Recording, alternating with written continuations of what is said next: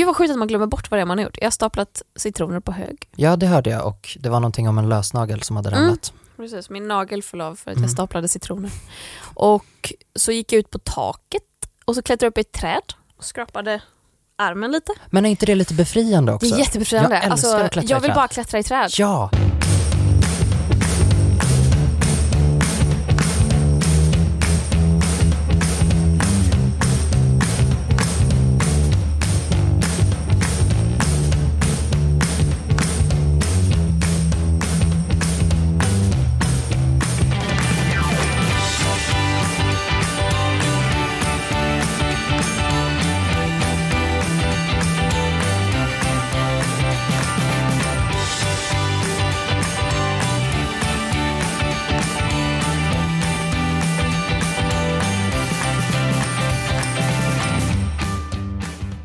Hej Gustav! Hej Klara! Välkommen hit Tack, tack, till tack. vår podd.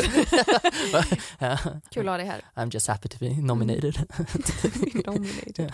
Du, alltså jag har klättrat i träd idag Ja, och jag måste få berätta om det här. jag vill jättegärna att du berättar om det här. Det är, jag får inte säga vad det är jag har klättrat, klättrat i träd i för, eh, för att det är ett tv-program och det ska sändas nästa år och allting är som vanligt när det handlar om media jättehemligt. Men jag tror att om jag, om jag är väldigt så här, sneaky sneaky så får jag säkert lov att säga att jag klättrade i träd. Mm. Och det var så himla härligt och jag har inte känt mig så busig på år. Och jag vet inte hur många år.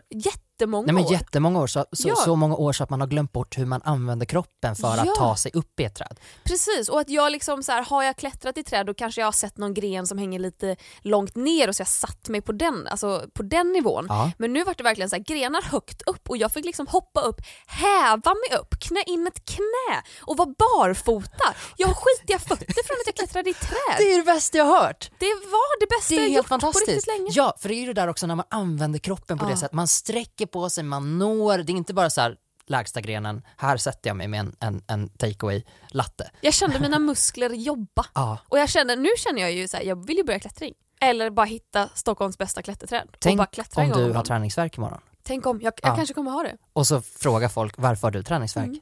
Jo, det ska jag berätta för dig. Du har klättrat i träd. Ja. Det är helt fantastiskt, det har inte jag heller gjort. Eh, jag gjorde det mycket när jag var liten.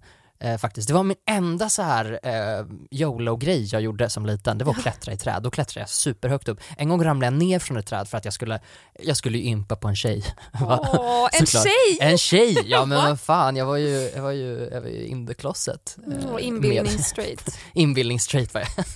ja, straight jacket, precis. Mm. Eh, nej men så då, då skulle jag liksom ut och så skulle jag, och det här är också så random för hur, hur, tänker, hur tänker man som barn? Då skulle jag ut längst ut på den här pinnen för att jag skulle hämta ner ett snöre åt henne. Va? Ja. Va, hur Nej, men hade det hon det mest- lagt snöret där? Ja nej det var ju inte hennes snöre, det var väl bara att jag skulle impa på henne som något liksom djur som visar Eller psykfall. stjärtfjädrarna liksom av, eller psykfall. Ja, hade jag gjort det nu, Ja. så här, här är ditt snöre! Var det en liten gren eller en stor gren? Nej det var en stor gren men den satt löst. Så då Aha. ramlade jag ner några meter, eller jag vet, jag tror ju att det var några meter men jag var ju helt okej så att det kan ju inte ha varit så högt. Och du vet när man är liten, det där kunde ju ha varit en buske som jag, som jag liksom klättrade upp, det är bara wow, kolla på mig! Men vad hände då? då? Blev, du, blev hon så här jätteoimpad eller blev hon mer så här åh Gustav jag ska ta hand om dig? Jätteoimpad, alla, alla var jätteoimpade av mig när jag var liten. Jag, jag, jag, jag är i min prime nu, Ja, vilket är skönt. Jag tror- jag pikade när jag var fem, Oh. det det var sorgligt. det hade varit så. Jag tror att folk gör det. Mm. Jag tänker på de som var så här coola i klassen när man var, ja men så gick i femman, sexan kanske. Mm. Som verkligen pikade, som var så här snyggast i klassen, Mm. hade verkligen börjat utvecklas. De, de skred in i puberteten Mm. med elegans om man Mm. säger så. Mm. När den själv såg ut som En fågel, kom fågelskrämma. och hjälp mig. Ja. Mer eller mindre. Och eh, de är ju de som liksom, ja, jag vet inte vad de gör idag, men de kanske är med i den lokala vikariepoolen eller jobbar på ICA. Och det är inget fel med det, jag vill bara säga nej, det. Nej, nej, absolut men det inte. känns som att det, de är kanske de nu som kanske inte riktigt vet vad de ska göra med sina Mm. liv. De kanske tar det lite chill, de kanske har lite panik inför framtiden. Eh, och jag känner bara yes, the revenge is mine. Mm. Att, så här, jag, har, jag såg ut som skit, alltså jag var töntarnas lilla Tönt. Tönt. Okej. Det var- Det var jag. Och Ja. nu vet jag vad jag vill göra med mitt liv. Ja, Och jag slipper harva runt i en vikariepool. ja, Det är ju Typ. jätteskönt. Det är Du väldigt skönt. frilansar inom media liksom.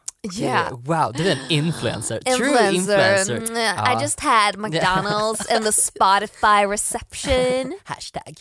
Hashtag healthy Spotify, living. hashtag lifestyle. Nu har jag ju haft, eh, utan att fråga hur du mår, så kan jag berätta hur jag mår. Mm. Ja, jag har haft så himla bra tid. Haft sen, ja, alltså, är det efter din ensamsemester? det är efter det har lugnat ensamsemestern. ner lite? Jag är så taggad på att umgås med vänner, jag är så taggad på att prata, jag är så himla glad, jag, jag tycker att det är så roligt att jobba. Eh, Allt känns liksom superkul. Så jag har haft den mest sociala helgen nu senaste helgen i mitt liv typ. Berätta, Och- vad har du gjort? Nej men jag, alltså jag, först hängde vi på en, jag brukar alltid banga. Någon säger, ska du följa med på den här grejen? Jag bara, nej. Jag ska sova Fast du har nu." ändå varit förvånansvärt, alltså de gånger som, när vi typ lärde känna varandra lite Ja. mer, då frågade jag dig liksom lite då och då så här, men vi ska ut här. Ja. Typ, vi är, så här, min kille har ett stort kompisgäng och Mm. jag bara så här, men jag och Hanna ska haka på dem dit, vill du följa med? Mm. Och du var ändå så här, ja det kan jag göra. Ja, Och jag tänkte så här, jag har liksom full respekt för om man inte pallar hänga med ett stort gäng där man typ känner två pers. Det hade nog jag i fler fall sagt nej till än vad jag hade sagt ja till det. ja, Men du sa ja nästan alla gånger. ja, Och att, för du dricker ju inte heller. nej. Och vi alla dricker. Och att du ändå... Jag vet inte, jag blir bara typ impad över hur du kan ha en så briljant social förmåga i sammanhang där jag själv hade bara suttit tyst och typ stirrat ner i mitt lilla glas. Men nu blir jag glad och förvånad för, för min känsla alltid efter sådana här gånger är att jag har suttit tyst och stirrat ner i ett glas och att Nej. alla typ har kollat på mig och bara, vad är det här för ett freak? Jag tänker tvärtom, jag tänker att så här, vad skönt det är att vara polare med någon som är så självständig som kan bara så här, ah, du, du bara funkar i sammanhanget, du är så självgående typ. Att man, Fan vad glad jag, jag blir, sitter blir liksom redo att bara så här, bjuda in dig i samtalet typ när det behövs. Men Ja. ja, nej, jag tycker alltså motsatsen till det du säger. Fan vad roligt. Jag har ju börjat förstå att jag kanske har en social kompetens, bara att jag glömmer bort den för att jag är så himla mycket i mitt eget huvud. Och så tänker jag, jag blir så himla självmedveten. Eh, och det blir så jättemycket, det är mer känslan som är problemet. Eh, och om jag inte tar hand om mig själv, vilket jag då gjorde på min semester, då var jag helt själv Eh, och läste och lyssnade på musik och jag gick omkring och sjöng och bara skrev låtar och du vet, gjorde bara massa sådana här grejer. Jag satt och skrev jättemycket. Um, och om jag gör det så har jag så himla mycket roligare i de här sociala sammanhangen. Eh, och den helgen har jag haft nu eh, senast, att, att jag har liksom bara hängt med, liksom födelsedagsfest och jag var på typ en biljardhall kvällen innan och hängde med massa människor som jag aldrig har träffat förr som var skittrevliga. Och då blir jag så påmind om att, men herregud jag gillar ju faktiskt att göra saker också för jag isolerar mig väldigt lätt när jag blir liksom, ja men sådär stressad och Ja. man känner sig, ja, när livet är, är, är balle liksom. Men gud, jag, tänker, jag tänker att det måste vara så mänskligt och naturligt att, att dela upp saker i svart eller vitt. Även om man bara, jag gillar det här ibland och motsatsen ibland. Mm. Så tror jag, för jag tror att jag är likadan, att ibland kan jag känna, åh jag hatar att gå ut, jag hatar att vara på klubb eller på barer. Jag vill verkligen bara, det enda jag gillar är att sitta hemma framför TV, typ dricka någon god bärs, typ pussa på min kille. Alltså Ja. det är det enda jag vill göra. Ja. Och att jag bara lägger det som ett allmängiltigt täcke över hela mitt liv. Ja. Att så här, det här gillar jag. Men man jag identifierar sig så himla mycket. Nej men precis. Ja, verkligen. Och sen så kommer man ut på krogen och så har man svinkul, Och man blir förvånad. jättesent och man bara ah, vad håller jag på med? Ja. Dansa, vad är det här? Och då är det så här, ja det här går ju helt emot min personlighet men ah, jag Men- får bara komma underfund med att man gillar båda. Jag ändå. tänker också att undantagen kanske bekräftar regeln. Ja, Att så här, jag föredrar, jag tycker inte om när det blir för mycket sånt men jag älskar när det blir någon gång ibland. Jag går ut kanske en eller två gånger om året, alltså så här, ut, ut. Men då är ja, jag har inte du ute. sagt att du har din årliga utgång? är det. Pride? Ja, det är på det. Pride. För jag vill bara liksom höra Linda Bengtzing och ha rökmaskiner. Åh, Men jag, kan inte du gå till någon schlagerklubb då när du går ut? Men jag tycker inte att det är kul att göra det så ofta för att jag, jag får ju den kicken bara att vara hemma och så dansa omkring själv eller typ sjunga, eh, för jag hänger med massa människor som sjunger i min kör. Och våra spontana häng kan ju väldigt gärna sluta i lite stämsång. Så att det blir, jag la upp liksom någon, någon, någon story typ för första gången jag åkte iväg med min kör och folk började så här höra av sig bara Gustav har du gått med i en sekt? Så hela tiden, så fort det var liksom, det var bara stämsång, vi typ satt och så här klappade kring bordet och bara sjöng Halo Men om och om det är igen. så jäkla tillfredsställande också när man umgås med människor som alla är mer eller mindre musikaliska Ja. och så kan folk lägga stämmor och så plötsligt så sjunger man så här fyrstämmigt Ah. och man vet inte riktigt hur det gick till. Nej. Men man bara sitter och njuter och bara “jag är en del av det här, jag bidrar”. ja, och man tror att man är med i Glee. Vilket är Exakt. Eller man livets vill vara med dröm. Man vill vara med i Ja. Glee. Ah, Ja, alltså, mm, det, det hade faktiskt varit mitt ultimata high school. Jag har inte sett så många säsonger Du har inte gjort det? Nej, jag har Nej. bara sett de första två kanske. Jag kanske eh, frontar lite nu för att jag tror inte att jag har sett så mycket heller, men jag har lyssnat ganska mycket Ja. på soundtracket. Eh, och då tänker jag så här. hur mår du? Åh, tack Gustav. Kan inte du Jag mår bra. Men jag, jag mår bra. Idag är nog den första poddinspelningen vi har här på Spotify där jag känner att jag är pigg. Ah, Att min hjärna fungerar och jag har ändå haft den här inspelningen vi hade idag. Det är mycket tänk där. Jag var övertygad om att jag skulle vara helt slut när jag kom hit. Men jag tror det var att så här, jag slapp stressa hit för en gångs skull. Utan jag kunde verkligen, jag hoppade in i en taxi och sen satt jag i receptionen och käkade Donken i tio minuter innan du kom. Och det var bara så skönt att bara varva ner. Så att jag mår bra. ehm, jag har ett kul jobb för tillfället och det tycker jag väldigt mycket om. Och jag vill typ fortsätta prata om det här med sociala alltså, grejer, alltså det du var inne på. För jag har också varit på en fest i helgen, ja, en hemmafest Yes. och det var en kompis som fyllde år. Och jag har så mycket Alltså många delar av det här jag skulle vilja prata om, men vi kan börja med det coolaste, som också är mitt moment of the week. okej. Jag flikar in den här nu. Ja, ja. Eh, så får du ta din när du vill sen. Yes. Mm. Okej, så här är det. Jag var på den här hemmafesten och det är en kompis som jobbar med TV. Mm. Som också heter Gustav för Mm. övrigt. Mycket bra namn. Ja, väldigt bra, väldigt vackert. Och eh, då vet jag om att han känner, kollar du på Robinson? Nej, det är jag inte. Åh Nej. gud, jag hade sett fram emot att se Robinson. Jag har ju följt Robinson för första gången ganska slaviskt. Ja. Och jag tycker den här säsongen är så jäkla bra. Men jag ligger ganska långt efter. Jag tror jag är på avsnitt så här 32 kanske. Och jag tror att det 32, men det är, ja, jättemånga avsnitt. Ja men de är typ 20 minuter långa. Aha. Och så går det tre i veckan. Jaha, okej okej okej, ja, ja. Så att jag tror, jag, jag vet inte vad det är på nu men jag tror att jag ligger kanske så här två, tre veckor bak. Okej. Något sånt i alla fall. Och ehm, nu då i den här säsongen, jag älskar ju det här har jag insett. Jag älskar Robinson. Jag vill så jävla gärna vara med i Robinson. Jag jobbar med Jarowski som är ett produktionsbolag Ja. till en annan tv-produktion och var på deras kontor häromdagen. De delar kontor med Mastiff som är produktionsbolag för Robinson. Såklart. Jag stormade in och bara, var är castaren? Här Vem jag. pratar jag med om jag vill vara med i nästa säsong? Ja, Och de bara så här, men sök. Sök och skriv till oss och så kollar vi när du har sökt. Och jag bara... men så visade det sig att man måste vara tillgänglig i augusti och september och jag är inte det i någon av månaderna. Så Nej. att det är skitsamma. Okej. Men jag kommer, här, här har ni mitt ord på att jag kommer söka nästa år. Eh, för jag vill så jävla gärna vara med i Robinson. jag vill så gärna se dig Robinson. Yes! Jag Oj. tror att du skulle vara ganska badass också. Tror du det? Ja, jag tror det. Jag tror att du är liksom en redig kvinna. Jag tror att du skulle kunna bygga det mesta och liksom, ja men så här, Ja. styra, styra upp skiten. Tack. Jag tror, jag, jag tror att jag är så strukturerad så jag tror att det hade varit en bra egenskap. Jag vet också att jag blir otroligt grinig om inte jag får mat och sömn. Mm. Och jag tror att det kan skapa lite dynamik i gruppen. Jag är inte här för att skaffa vänner. Kasta mig! Ja, anyway, så mycket älskar jag Robinson i Ja. alla fall. Jag och Kalle ligger och typ plöjer så fem avsnitt varje kväll innan vi ska sova bara för att komma ikapp för att det är så jävla bra. Hur som helst, för att komma till saken då, finns en som heter Desi, Desiree som är med i årets Robinson. Och hon är så himla härlig. Mm. Bara. Och hon är 20 år tror jag, eller hon var i alla fall när de spelade in det.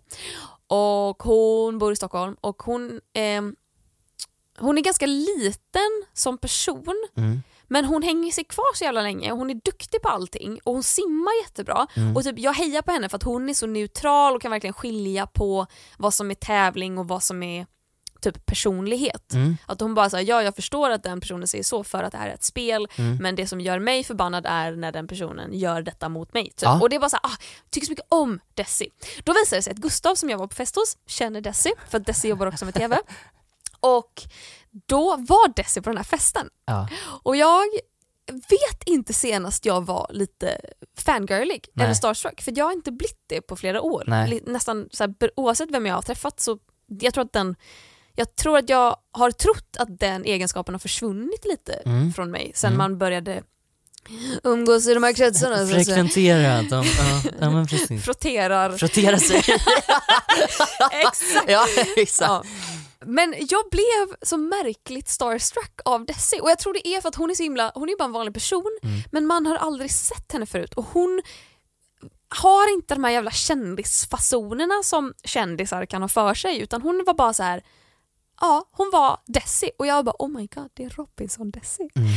Ehm, men jag, jag, vi fick aldrig tillfälle att hälsa riktigt så, så jag bara, nej men jag kan inte gå fram och bara Tja, är det du som är Robinson Desi eller? För det känns bara oskönt. Um, vid något tillfälle då så skulle jag gå in på toa. Gick in på toa, låste dörren och så bara satte mig och ska kissa. Och då hör jag hur Gustav kallar alla till vardagsrummet och bara nu jag ska jag hålla ett tal, typ så här, kom Mm. alla till vardagsrummet, är alla här? Och Johanna, vår kompis, bara Mm. så här, eh, nej det är en person inne på toa och kissar. och så Gustav bara fortsätter, kom till vardagsrummet, är alla med, alla med? Och Johanna bara, nej nej nej, nej vänta vänta, det är någon inne på toa och kissar. Och jag hör detta och bara så här racerkissar, trycker ut allt jag har, torkar mig, tvättar händerna. Och så springer jag ut och då snubblar jag på listen som ligger på golvet. Och inte bara snubblar utan typ sparkar in min fot i Nej, den här alltså, så listen. fruktansvärt. Så att jag eh, snubblar och liksom stapplar fram över den här listen och häller ut hela mitt glas med bubbel över personen som står liksom med ryggen mot badrumsdörren. Ja. Vilket är Robinson Nej! Desi! Oh my god! Ja, så att jag står eh, och typ håller, hur ska man säga, jag liksom hänger på hennes axel och killen som stod bredvid hennes axel för att jag spillt på honom med. Alltså jag har verkligen tömt mitt glas på båda två. Och så här, alternerar mellan att bara förlåt, förlåt, fan vad klantig jag är och att bara aj, aj, aj. För att jag var övertygad om att jag hade brutit min tå för att det gjorde så jävla ont. Jag tror att det slutade göra ont dagen efter och det gör fortfarande lite ont. Okej. Men det gjorde i alla fall att Desi bara så här. ja nu, nu kan jag i alla fall säga att ja, Clara Henry har spilt ut eh, bubbel över mig. Och jag bara, ja då kan jag säga att jag har spilt ut bubbel över Robinson Desi. Och så började vi prata om Robinson och det var typ de bästa 15 minuterna på länge tror jag. Men det är helt fantastiskt. Ja, jag fick prata med en idol. Ja. Ja, gud vad häftigt. Mm. Jag har liksom aldrig fått prata med någon idol Nej. på det sättet. Vilket Nej. är så här, Whitney Houston tog aldrig mina samtal. Jag bara, Whitney, var är du? För det är så himla coolt när man träffar folk som gör det intrycket på en också, så även om du liksom hade eh, din liksom starstruckhet redan innan, att du bara hon det är hon, Ja. och sen att liksom den personen bekräftar det också så att det inte blir den här grejen, om man träffar någon som man kanske respekterar på avstånd, men så träffar man den och bara, vad är det här för oskön Ja. människa? Verkligen. Herregud vad du är otrevlig. Men hon var liksom. så trevlig och bara så här, typ ville prata om Robinson också Ja. för jag frågade ju massa frågor. Jag bara så här, hur mycket mat får ni egentligen? Var, var kommer vattnet ifrån? Svimmar man ofta? Så här, jag bara så här, grävde. Hon svarade på allting.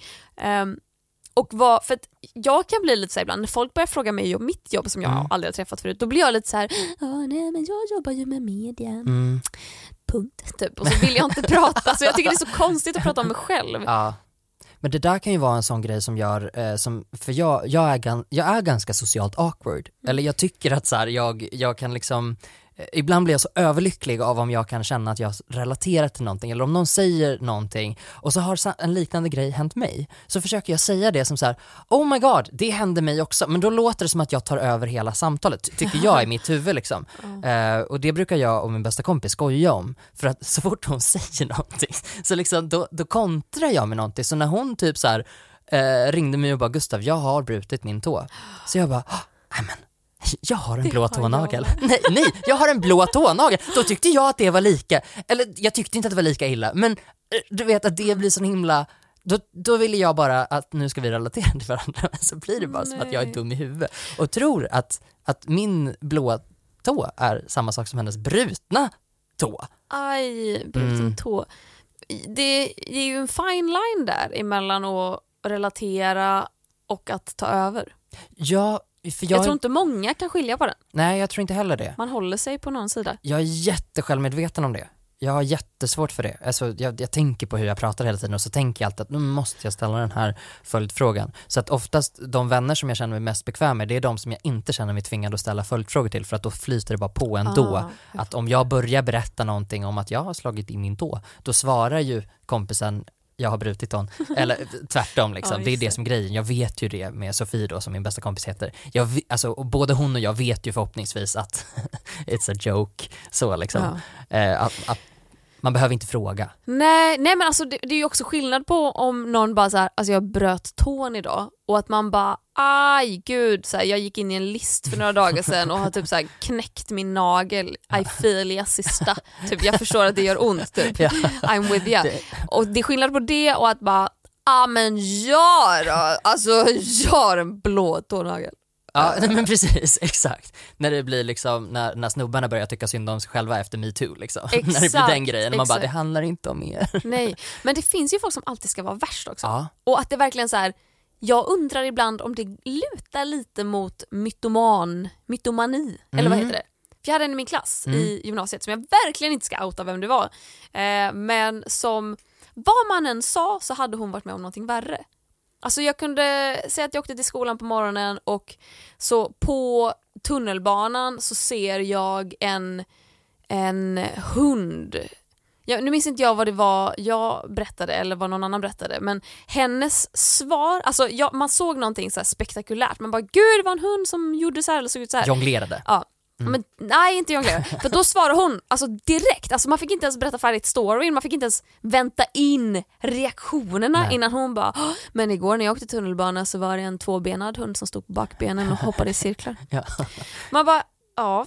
wow vad häftigt. Mm. Men nu är det jag som har en historia här som jag jättegärna vill Och man ha tappar ju lite på. ånga då också. Ja, alltså man verkligen. liksom så här, det blir som en, en betongvägg som bara står där, så man säger, jaha, ja, jag kan inte fortsätta nu, eller Nej. vill du fortsätta nu, ska du ta över det här? Ja men berätta om din jävla, jävla hund då för Ja. helvete. Och det där var en riktig historia, alltså hon sa verkligen exakt typ Mm. såhär, ja ah, men det var en hund och den hade två ben och den hoppade i cirklar på Mm. bakbenen. Ah, typ. Så bara, ville bara säga det. Drop the mic. Ja. Mm. Och det, jag har ändå känt många, förvånansvärt många tror jag genom åren som har varit sådana att de antingen rätt och slätt ljuger eller bara överdriver till den milda grad att det blir jobbigt och ljug. Typ jag tränade friidrott med en som var så, så hon kunde hitta på grejer, Mm. vilket är så märklig grej att göra. Ja. Det, det hade jag en kompis också som gjorde. Och sen flera år senare så visade det sig att kompisen hade inte ljugit. Jag hade bara trott det. Mm. Nej, Nej det var så awkward.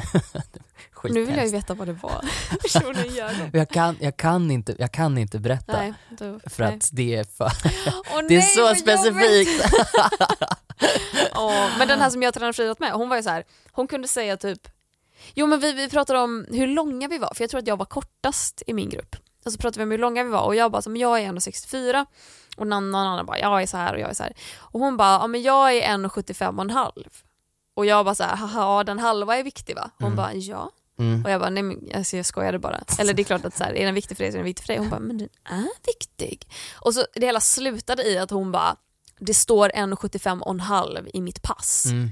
Det är klart att den är viktig. Och jag var bara, fast det står inga halva centimeter i pass.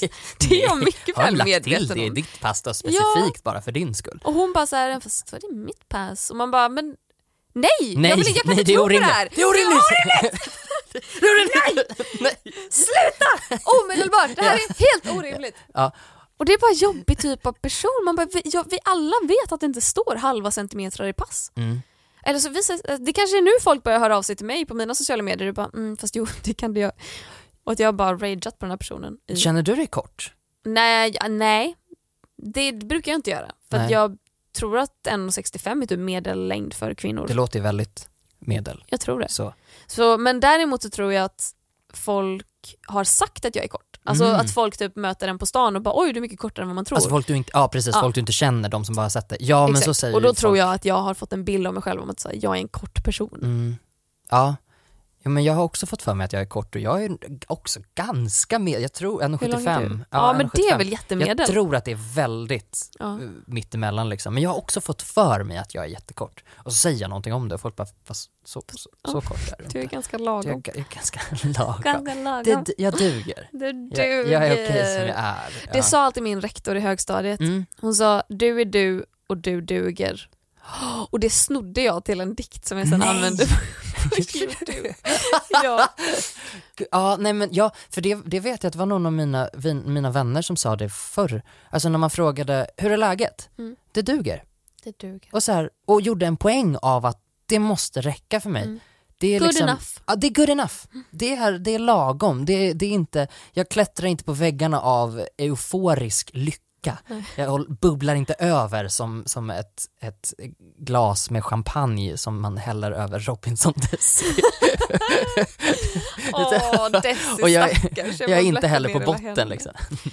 Hallå får jag berätta en rolig grej om min rektor apropå det. Det här, kanske, det här kanske är jättedumt att hänga ut i en podd men å andra sidan hela min skola visste om det och eh, hon mår säkert bra idag. Mm. Det där låter som att hon mådde riktigt Wow. Det kanske hon gjorde.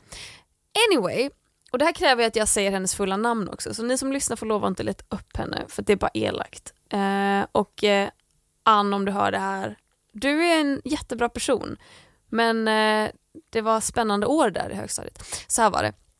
På min högstadieskola så skulle vi typ göra om massa för vi fick en ny rektor och hon hette Ann Nilsson Mäki. Och hon gjorde massa konstiga beslut på skolan som till och med så här, lärare protesterade emot. Att vi skrev en lång protestlista och det var jättemånga lärare som skrev under för att vi skulle så här, blanda ihop klasserna och vi fick så här, de, de, de skulle väl göra massa um, besparingar. Alltså, Ja. Så de drog in lärare, de drog in lektioner. Så att vi var typ så här, om vi var 30 i varje klass och plötsligt skulle vi vara 40 så från att vara fyra klasser så mixade de ihop oss i svenska, engelska och matte eller något sånt. Okej. Och så var vi typ 40 i varje klassrum så det var skitmånga elever.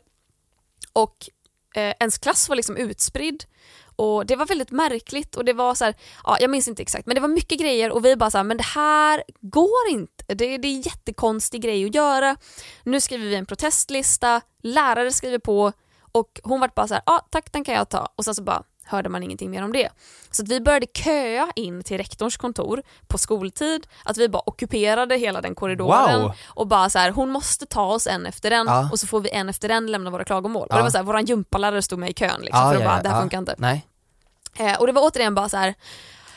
Ja, nej men vi kan inte göra någonting. Tack nästa, typ. Mm. Eh, och det var så här märklig grej. Och min syrra, när jag gick åttan så började hon sexan. Och hon hamnade, för man bytte från femman till sexan Mm. och då minns jag att man fick önska tre personer, alltså ens tre närmaste vänner Mm. som skulle hamna i samma klass som en. Och jag önskade mina vänner och hamnade med mina vänner. Och typ, när alla hamnade med sina vänner. Så att det var så här, de ville aldrig sätta någon ensam. Nej. Men det gjorde de med min syrra. Okej. Så min syrra hamnade helt ensam och hela hennes gäng, som var ett stort gäng med tjejer, typ Mm. kanske tio pers, hamnade i, tillsammans i en annan klass. Ah. Så hon hamnade ensam då i en klass där det redan fanns ett så här tjejgäng Mm. och hon kom inte in där. Nej. Så hon var jätteutanför i skolan i ja, gud, ett halvår, ett, kanske ett års tid Mm. och mådde jättedåligt. Alltså en. 12-årig tjej som verkligen Ja. mådde psykiskt dåligt, Ja, ja, kom hem och grät och bara allting var piss. Mm. Och min mamma är ju mästarnas mästare på att ringa och klaga. Mm. Är någonting fel, då ringer hon och klagar. Hon har suttit så mycket i telefonkö till Västtrafik genom åren att jag kan liksom inte ens räkna det på mina fingrar. Men det ska klagas tills en förändring sker. Och hon ringde ju från första veckan liksom i skolan, för hon var bara så här, men Kimberly, testa. Mm. De kanske är jättehärliga. Och sen, låt det gå en vecka och sen ringa. Typ. Mm. Och jag tror att det gick en vecka och mamma bara, okej men förlåt att jag fick dig att göra det här, jag ringer direkt, vi måste Ja. ändra det här. Men rektorn sa bara prompt nej, Kimberly Mm. får inte byta klass. Sen var det folk i de andra klasserna som bytte, men Kimberly fick inte lämna den här klassen och det var så märkligt allting. Och mamma var liksom på skolan, hon ringde typ dagligen och Mm. bara, nu, idag, får Kimberly byta klass nu då? Ja. Och svaret var hela tiden nej. Och det här pågick så jäkla länge. Ja. Och det här då i kombination med att hon gjorde massa ändringar på skolan och typ varje skolavslutning så höll hon ett tal där hon sa till exempel att du är du och du duger och pratade Mm. om allas lika värde och så. Och vi bara, men du bryr dig inte om oss. Nej. Du bryr dig inte om oss, vårt lika värde. Så vi började kalla henne för Ann Nilsson Kräki istället för Mäki. Och då startade min syrra och hennes kompis en Facebookgrupp som hette Kräki förstörde min barndom. Åh nej. Eh, och som de verkligen stod bakom. Ja. Och eh, eftersom jag då gick i åttan och de gick i sexan så bjöd de in mig och gjorde mig till administratör för den här gruppen.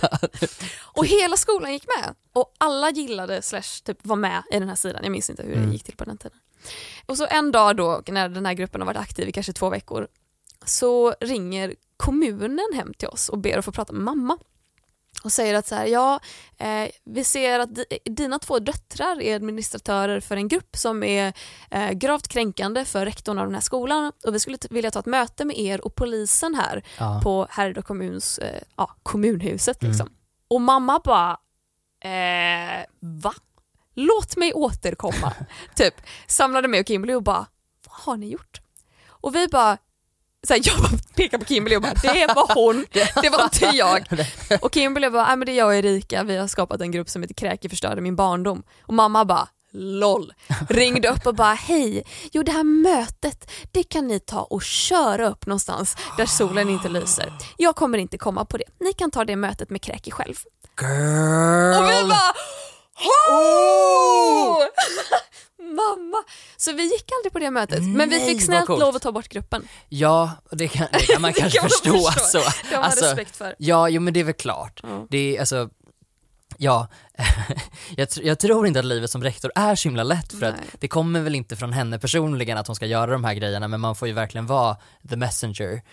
Eh, vilket, Men man kan också, alltså, fan det handlar om barn, man Ja. kan lyssna, man kan visa att så här, jag vill ert bästa. Mm. Men det här som ni vill har vi inte råd med, men vi kan se vad vi kan hitta för lösning. Men jag tänker att man måste vara supertydlig med att kommunicera varför man gör de här förändringarna. Alltså för om man är det, då kan ändå folk någonstans oftast förstå att det är svårt att göra något åt här. Inte bara, ha, rör vi om i grytan här då? Nej. Och sen så säger man ingenting mer för det är ju superproblematiskt. För det var ju så det kändes också, Ja. att så här, här kommer en ny rektor och det första hon gör är att skapa jättemycket konflikter Ja. mellan lärarna, mellan oss, mellan oss och lärarna. Liksom. Alla var bara sura och stressade för att det Ja. funkar inte. Nej. Jag gick ju i en skola eh, där de sa att vi har inte, det här var på tiden när man fick G, VG, MVG. Eh, de sa Det att fick vi, jag med. Ja, det gamla, gamla Ja. gamet. Jag var dock sista årskullen som fick det. Ja, Sen ändrade de efter mig. Ja, det var, det var inte jag. Ehm, jag är äldre än du, okej. har inga problem med det alls. Men, ehm, nej men jag var på en skola och då sa de att eh, på den här skolan så har inte vi undervisning på MVG-nivå. Det var jätte, jätte, jättesvårt att vara MVG. Och här någonstans tappade jag studiemotivationen. För jag var van vid Gick att du på den här skolan? Ja, jag gick på den skolan. Eh, Men så det att- gick inte att få MVG? Nej, inte, inte i alla ämnen. Eh, för att det var väl lärare av något slags, det, det gamla gardet på något sätt, som, som tyckte liksom att om man får MVG för tidigt, då har man ingenting kvar att kämpa. Att, Det, det sa de på min skola med! Japp, ja då, jo då. Så Att de att, bara, vi ger inte MVG första för mig- terminen för att då har man ingenting att sträva efter. och Man jag bara, blir såhär, nej tvärtom! Man vill ju nå dit och då vet man att man har kommit dit och så fortsätter man köra på Eller det. hur? Man vill, det är ju bättre att... Om man ligger på den nivån så ligger man på den nivån. Ja, Och sen om man går ner då, ja då har man, då har man tappat ett snäpp. det är ju det man inte vill. Alltså det är Nej. väl snarare en motivation. Så här, oh shit, jag fick MVG Ja. den här terminen, fan vad jag har jobbat bra. Jobbigt, pinsamt, åh vad tungt och då sänka sig till nästa termin. Ja, exakt. jag. Ja, Snarare än att bara, ah shit jag fick ett VG, jag tyckte jag kämpade skithårt. ja. Hur ska jag då kunna få ett MVG? Nej men liksom? precis, det kommer du aldrig uppnå. Exakt. Nej, nej men så, så jobbade de lite grann och det, för mig, det, för mig är ju det dödsstöten liksom, för om jag Mm. inte kan vara nu har jag ju lärt mig att jag inte behöver vara bäst på allt. Mm. Även om jag fortfarande uppskattar känslan av att känna mig duktig. Eh, så, men, men på den tiden, det var ju liksom, vad fan? Ja. Och då hade jag kommit från en skola, för jag bytte skola precis efter sjuan och så flyttade vi och så, så började jag på en annan skola istället. Och på den förra skolan så hade jag gått så här, jag läste in på, det här var i sjuan, jag läste svenska, eller eng, jag tror att det var, ja men svenska i alla fall på, alltså jag var uppe liksom och kikade på, på eh, gymnasienivå och liksom upp där i sjuan. Oj. Bara, ja men för att jag var en sån nörd, jag tyckte det var så kul. Och du vet, sen bara sticker de hål på den här ballongen när jag kommer till nästa skola och jag bara, hörni jag har redan gjort det här. Alltså de bara, ja det var ju synd för dig, då får du göra det igen. Jag bara, men det var ju himla bra resonerat av er. Men kan du känna, alltså idag, att du tycker att det är jobbigt att vara dålig på saker? Ja, det tycker jag. Ja. Jag försöker att inte tycka det li- fullt lika mycket, men det är snarare så att det blir en sån påtaglig känsla av misslyckande, så jag tror att jag tycker att det är värre nu nästan än när jag var yngre, för att då var det lugnt för mig på något sätt att undvika vissa saker. Men du vet, och så undviker man saker lite för länge och helt plötsligt så är det bara en vägg som gör att man inte vågar göra saker för man är så livrädd för att vara dålig på det. Och det har jag tränat bort ganska mycket tycker jag. Jag gör väldigt mycket saker nu som jag, som jag inte skulle ha gjort förut. Jag var på, ehm, jag hade världens breakthrough moment ehm, när jag gick på, jag gick på en boxningsklass eh, och Nu nyligen? Eh, nej, det var Nej. ett tag sedan, men det var en av de första grejerna som jag gjorde i vuxen ålder som så här bröt ner rädslan på något sätt. För jag gick dit, jag gick dit ensam Mm. och jag använder ordet ensam också för att jag kände mig ensam. Ja. Det var inte själv. Nej. Om jag går på Åh, lunch, då är jag själv. Det är inga man problem. uppskattar att vara själv. Ja, folk man hovrar omkring själv. och bara “vill du inte ha sällskap?” Jag bara “nej, alltså, jag är, det är helt lugnt”. Där känner jag mig jättesjälv, för att då var det så, här, så mycket känslor av eh, liksom en, en maskulinitet som jag kände att jag var tvungen att liksom uppbåda på något sätt och som jag aldrig hade haft och det gjorde det ännu jobbigare att jag skulle in där och så skulle jag slåss med folk, jag hade aldrig gjort något sånt för och så kom jag in där och det är bara så här det bara bröt ner så mycket fördomar, fula tankar om mig själv, om andra, om de som var där. Och jag var ganska dålig. Men bara känslan av att ha gått dit och ha gjort det och liksom få in några träffar och också ta några träffar, det var bara så här himla coolt på något sätt. Och sen efter det så gör jag massa grejer. Jag mår fortfarande ganska dåligt av det, men jag gör det i alla fall. Så jag undviker generellt sett inte att göra saker eh, nu för att jag är rädd att vara dålig på det. Ehm, Det är ju skitbra träning om Ja. inte annat. Ja, ja, att Det, jag tror att jag undviker massa sånt för att jag är rädd för att misslyckas. ja, Att det är en jättejobbig tanke att veta att så här, jag kommer gå dit, jag kommer vara sämst i gruppen på boxas. Och det kommer vara jobbigt för Ja. mig att vara sämst Mm. i gruppen. Mm. Även om det är fullt naturligt Mm. för jag har aldrig boxats förut. Nej men absolut, jag tycker att det är fruktansvärt jobbigt och sen så jag kan tycka att det är jobbigt om jag, om jag både är eh, stjärnan och inte stjärnan på Mm. något sätt. Jag Mm. kan tycka att båda delarna är lika jobbiga för om jag blir så här på något sätt uppsatt på något slags pedestal då får, känner jag sån enorm press. Om jag faktiskt är duktig på det jag håller på med och så här, man lyfter mig lite grann då blir jag så här, herregud, jag är värdelös, vad vad gör jag här? Eh, och om jag liksom, och så kan jag få någon så vidrig eh, grej om jag inte är bäst och så här så kan jag känna mig bitter och, och avundsjuk istället. Man blir lack på att det inte funkar eller? Man, vill ju bara, man orkar inte lära sig saker, man vill bara Nej. kunna det Ja. omedelbart. Ja, Och så vill man inte vara dålig, man vill aldrig misslyckas. Och jag tror att jag tror att vi båda, vi har ju varit så här duktiga barn i Ja. skolan. Duktiga Ja. pojkar och duktiga flickor. Ja. Alltså stereotypt. yes. Och jag tror i alla fall för min del att det typ hänger kvar. Att så här, jag var bra i skolan och det gjorde mig till en duktig flicka. Jag hade lätt Mm. för skolan, det gjorde att jag verkligen pushade mig själv och bara så här, ingenting förutom MG är bra. Ja, Och att jag hade ändå så pass lätt för att lära mig och sån disciplin och typ tid Mm. och möjlighet hemma att sitta och plugga mm. att jag fick MVG i allt. Mm. Och så, sen då när man kommer vidare i livet och så här, jag har haft ett bra liv, jag har inte stött på mycket motgångar och jag tror att jag bara vant mig vid känslan av att så här, när jag lyckas, det är det neutrala läget. ja. Så om jag gör någonting så här kablam, någonting riktigt lyckat, Mm. det, det ska vara så jävla lyckat för att jag ska känna, ah shit vad bra det gick. Mm. För går det bra, då är det bara skönt, allting är som det ska. Det är som vanligt. Går det neutralt, går det varken bra eller dåligt, Ja. då är det ett misslyckande. Ja. Och går det dåligt, då är det så jobbigt att jag liksom får ont i magen av Ja. att tänka på det i flera veckor efteråt. Jag gissar på att du känner dig misslyckad även om små, av små saker. Oh, ja. tänk, ja. Och jag kan vara små detaljer liksom. Kan du liksom tänka på någonting nu, spontant? När kände du dig misslyckad senast? Åh herregud, idag. Idag! Idag. Wow! Nu jag kan jag ju inte berätta vad det handlar om eh, eftersom det är den här inspelningen men eh, det var en grej vi gjorde där så här, ja, om jag ska förklara det utan att förklara ett skit så kan jag säga att vi, vi hade väldigt kort om tid på oss och jag skulle utföra en uppgift på väldigt kort tid och jag hann liksom inte ens börja och sen så skrattade alla för att, och jag skrattade också för det var kul att jag failade men efteråt så kände jag fan vad dålig jag var och så tyckte jag att det var jobbigt att jag var så dålig på det Mm. att jag inte var bättre på det. Ja. Och det var bara jobbigt och det sätter sig liksom i bröstet och då börjar jag tänka så här. och nej, vad, vad ska vi filma härnäst? Kommer jag vara dålig på det med? Kommer jag kunna prestera?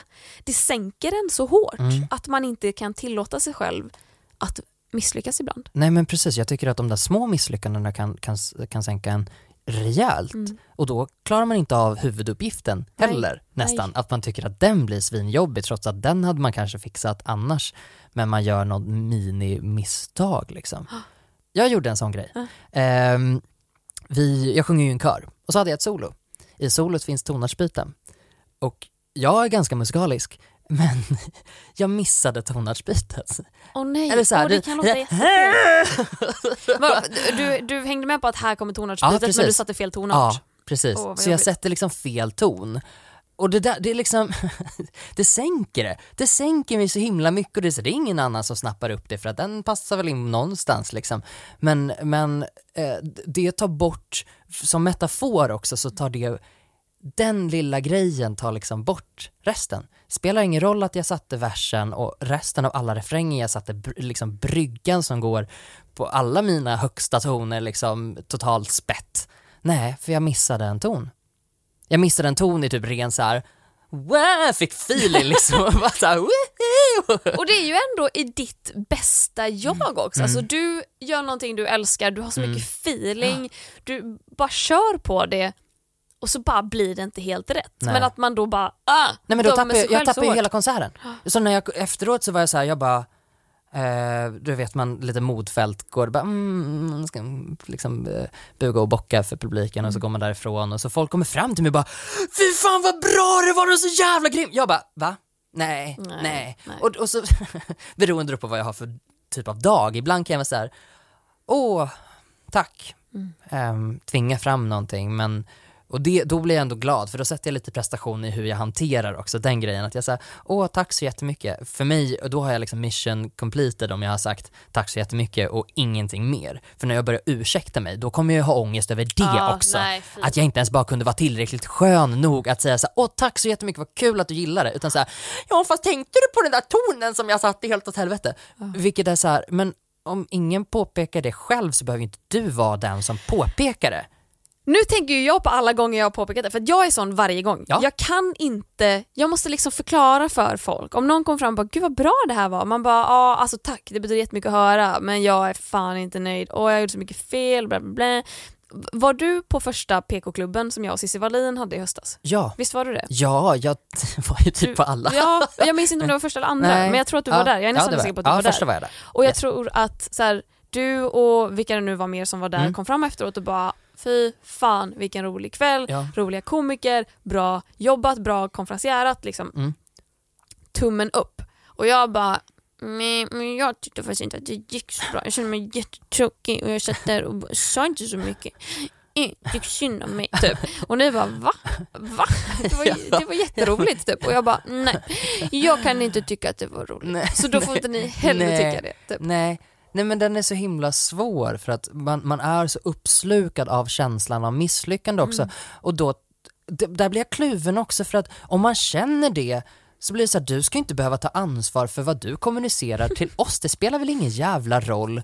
Alltså så här, det blir ju nästan som att du ska ta hand om oss så att inte vi ska bli ledsna för att du tyckte att det gick dåligt liksom. Ja men det är lite som att jag säger till er att så här, det är okej att ty- tycka att det sög. Ja, För att så här, om ni bara ah vad bra det Mm. var, alltså tycker ni inte riktigt det och då säger jag ah men det är lugnt, jag vet att det var dåligt. Det är som Ja. att ni då kan bara åh gud vad skönt, ah, det var faktiskt riktigt dåligt, det där du sa var jättetråkigt. Och så som att man bara så här, okej du har lagt det, nu kan vi fortsätta. Men det vill, det vill man inte höra heller. Nej, men det är därför eller man säger hur? det. Fast innerst inne så är det ju typ det, för att bara bekräfta att så här, jag vet att ni egentligen tyckte att det var dåligt och jag vill bara att ni ska veta att jag också tyckte det. Men det där tänker jag också, det är väl en sån eh, psykologisk grej som heter så mycket som jag har ingen aning. Jag har ingen aning vad det heter. Men det är någon sån grej som jag har gjort när jag har gått i KBT. Jag har gått jättemycket i terapi. Älskar terapi, rekommenderar det till alla människor. Ehm, det är liksom saker som bekräftar sig själva. Du liksom, du, du tjatar om den här grejen tills det blir så. Du fortsätter, och när någon då kanske ger dig feedback, det kan vara konstruktiv feedback, men då är det så här, "Åh, titta, Ja. där är beviset, Där titta det." jag är ju sämst i världen. Det, var ju, det är ju det här jag har tänkt alla gånger. Men det, nu undrar jag om vi tänker på samma saker, men det finns ju någonting som heter, och jag kommer inte heller ihåg ordet, men typ så här bekräftelsepsykologi, eller Ja. jag vet inte, alltså nu hittar jag på ett ord, det heter inte så, Mm. men som innebär typ att så här, om jag från att jag är liten till exempel lär mig att så här, tjejer är sämre på matte än vad killar är, Ja. då kommer jag att uppfylla detta Ja. undermedvetet. Ja. Men Är precis, det, är en, det en, någon sån grej? en sån, ja kan det vara någonting med profetia som det heter? Att det är en sj- självuppfyllande profetia, nej det är någonting, någonting sånt där i alla fall. Där, där man liksom, så varje gång då om någon faktiskt skulle säga till mig att ja men det var lite pitchy där på den där tonen liksom, då skulle jag vara såhär ja jag sa ju att hela låten var sönder liksom. Och det var det ju inte. Nej. Och det är också så himla tråkigt för att, ehm, för jag vet, alltså det, det jag kanske har lärt mig då när jag blivit lite äldre är att det är känslan i det jag gör som är så otroligt viktigt. Och då har jag lärt mig ofta i perioder att hantera att det inte går svinbra alla gånger. För att det, det var så himla roligt. Jag gjorde en sån grej också då med kören där jag sjöng, eh, sjöng en TLC-låt, Waterfalls, som jag tycker är superrolig. Lät inte svinbra, men jag hade feelingen. Men var det Alltså, jag den hade- du la upp på Facebook Ja, och den la jag upp på Facebook. körde du någon spontan refräng på slutet ja, eller vad det var? ja, där, där man Och jag tycker att den lät jättebra. Ja, eller? Jag tack. inte Det är så-. Nej, nej, men, man, nej, men där hade jag ändå den här nivån av så här att eh, jag vet att jag kan göra bättre rent röstmässigt, men rent feelingmässigt var det där liksom. Och jag hade bara så himla kul. Så att, och då kände jag att det drev mig på ett bra sätt liksom. Att Ja. jag, blev, jag blev glad av det. Jag kunde ta att det var lite sura toner här och där liksom. Det var, det var helt okej. Det var bara den här grejen av eh, att, eh, du vet när man får nörda in sig på det man håller på med så att man blir helt uppfylld av det.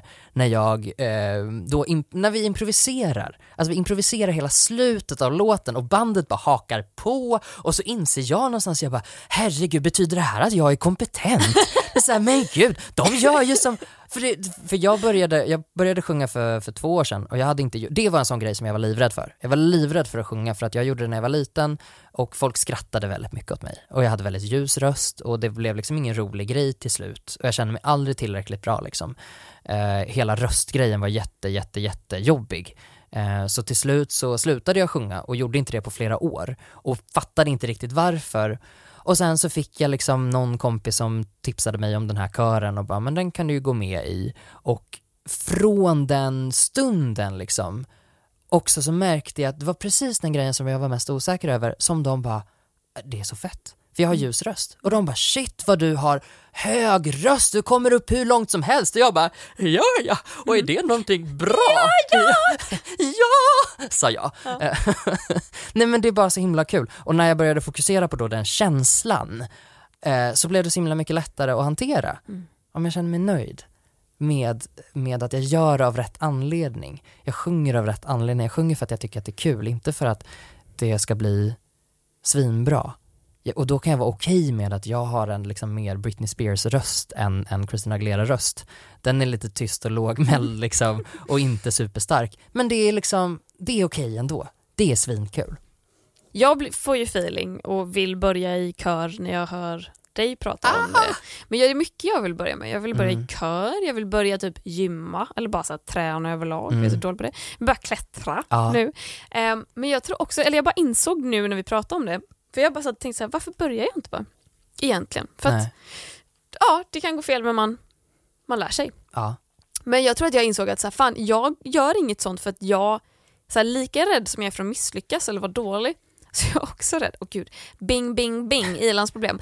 Men så, så jag är jätterädd för att typ bli igenkänd när jag gör det. Ja. Alltså jag vill inte typ börja i en kör om folk ska bara så här, ja men gud, är inte du som är Klara? Mm. Utan då vill man bara så här, för då blir det värre att misslyckas på något Mm. sätt. Att så här, inte nog med att jag får stå här och sjunga surt i min ensamhet, Nej. Dessutom ska folk typ gå hem och bara säga till sin partner att ah, Clara Henry började i min kör och hon sjunger inte alls bra. Nej. Typ det, Men den där- ytterligare nivån av förödmjukelse Ja. på något sätt. Men du blir ju hämmad av den grejen. Du blir, för du, ja, exakt. Jag vågar inte gå till gymmet för jag Nej. hatar tanken på att bli igenkänd. Ja.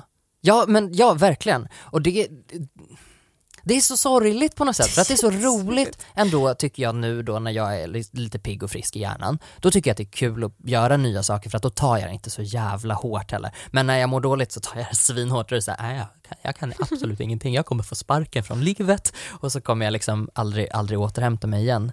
Men jag tycker att du ska, alltså du, jag tror så här. nu ska vi köra lite hobbypsykologi här, Ja. men jag tror att du måste börja med någon liten grej, eller någonting som inte så spelar så stor roll. Att, att det blir någon, jag gjorde så, för jag, jag kan skriva emellanåt och det upptäckte jag för kanske något år sedan, att shit, det här är en hobby jag har som jag bryr mig inte om någon ser vad jag skriver, om någon läser vad jag skriver. Eh, jag bryr mig inte om det här är någonting, jag vill, jag, mitt mål är inte att publicera eller någonting, jag tycker bara att det är roligt att skriva. Det är typ den enda grejen jag kunnat göra utan prestationsångest sen jag var svinliten. Och den, du måste hitta Ja. en sån grej tror jag. Vad kan det vara? Men jag vet inte, du får bara fan vad som helst, hoppa hopprep. Hoppa Ta en, hopprep. jag kan inte ens göra det för jag får ont i huvudet.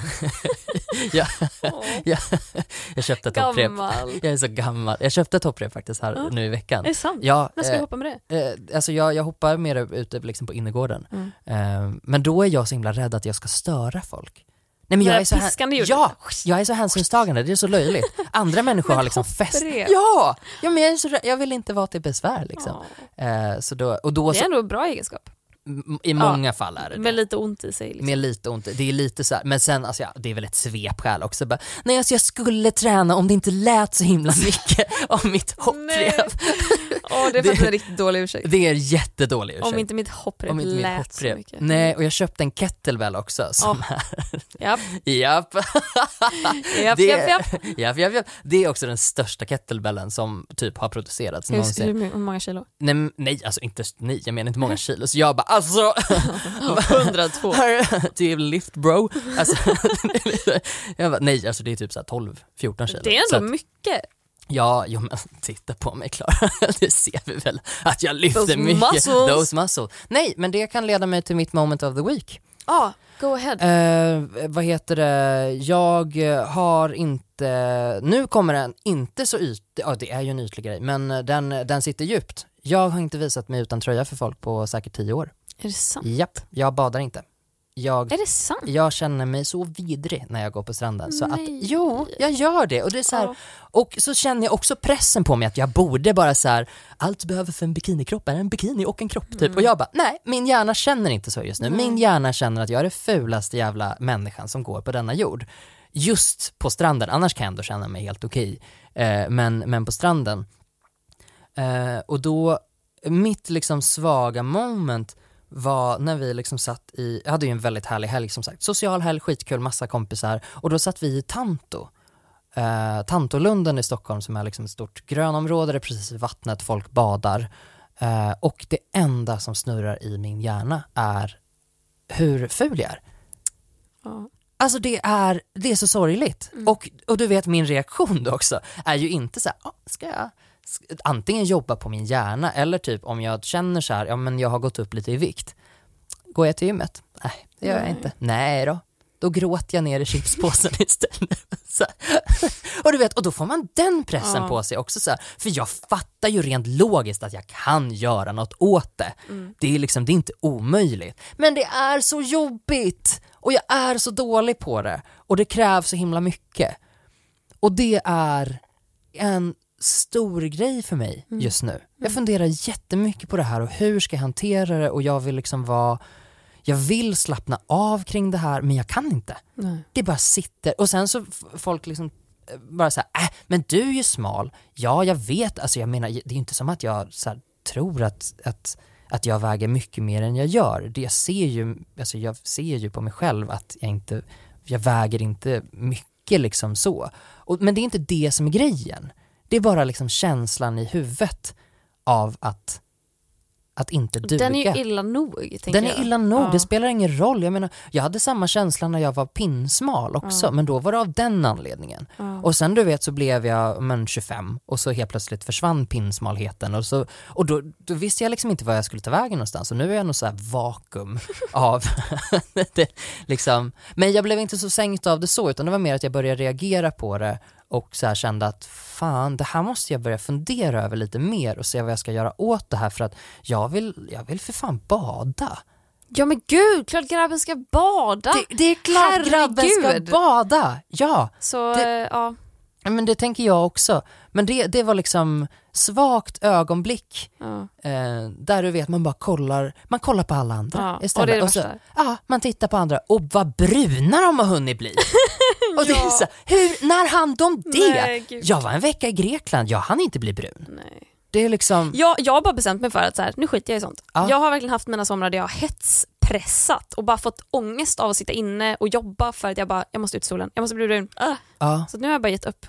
Och det, är- ja, det är svårare än vad det låter såklart. Absolut, för att jag tror att man kan, för jag kan ju säga så mycket, när jag pratar om så här, det här har jag lärt mig när jag blev vuxen. Ja, jag har lärt mig att tänka på det. Jag har inte lärt mig att göra det fullt ut hela tiden i varenda situation. Det är snarare att jag typ så här har listat ut att okej, så här reagerar jag på en beachdag i Tanto. Mm. Eh, nu måste jag typ hitta någonting att göra åt den informationen också. Mm.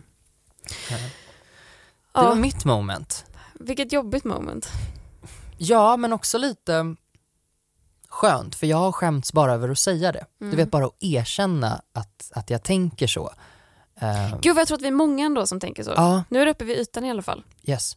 Vi måste avrunda för idag. Ja, det måste Eh, vad kul att ni har lyssnat. Ja, jag, jag, jag är jätteglad. Klara däremot, nej vi är jätteglada bara. Ja, och tack så mycket Spotify för att vi får låna er studio. Tusen tack. Jättemysigt att vara här. Den här podden finns på Spotify och där poddar finns, Mm. ifall man undrar. Så vi ses nästa vecka. Vi ses. Hej då! Hej då.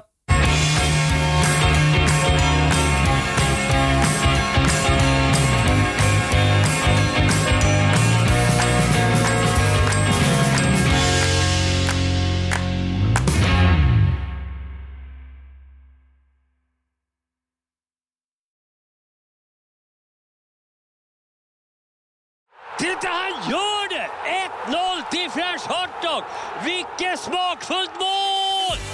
Nu startar fotbollsfesten på Circle K. Välj mellan massa goda dressingar till din french hotdog som smakar lika gott som en perfekt glidtackling. Köp en french för 35, två för 59 eller fyra för endast 99 kronor. Vilken är din vinnare? Vi ses på Circle K i sommar.